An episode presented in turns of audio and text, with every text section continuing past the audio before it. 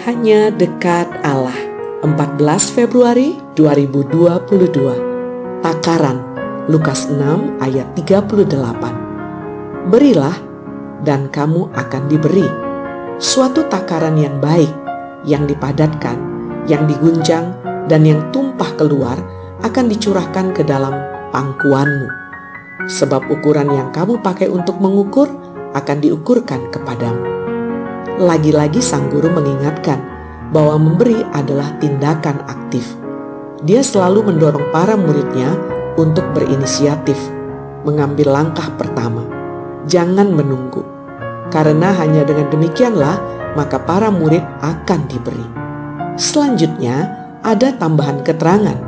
Dalam Alkitab Bahasa Indonesia Sederhana tertera, kalian akan menerima berkat dari Allah dengan berlimpah-limpah dan ditakar padat-padat. Sebab takaran yang kalian pakai untuk orang lain akan dipakai Allah untukmu. Pada titik ini jelaslah, memberi tidak menjadikan kita kurang, tetapi malah berlebihan.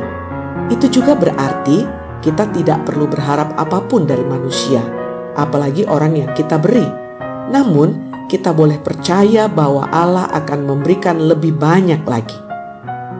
Namun tentu saja itu tidak berarti kita memberi untuk mendapatkan imbalan.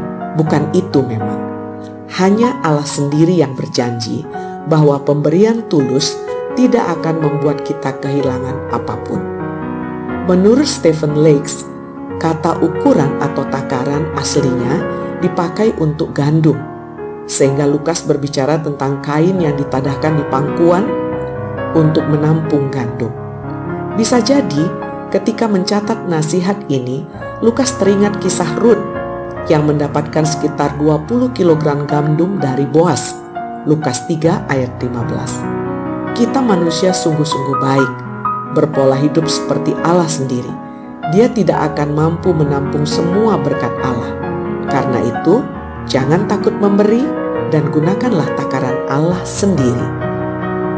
Salam semangat dari kami literatur perkantas nasional, sahabat Anda bertumbuh.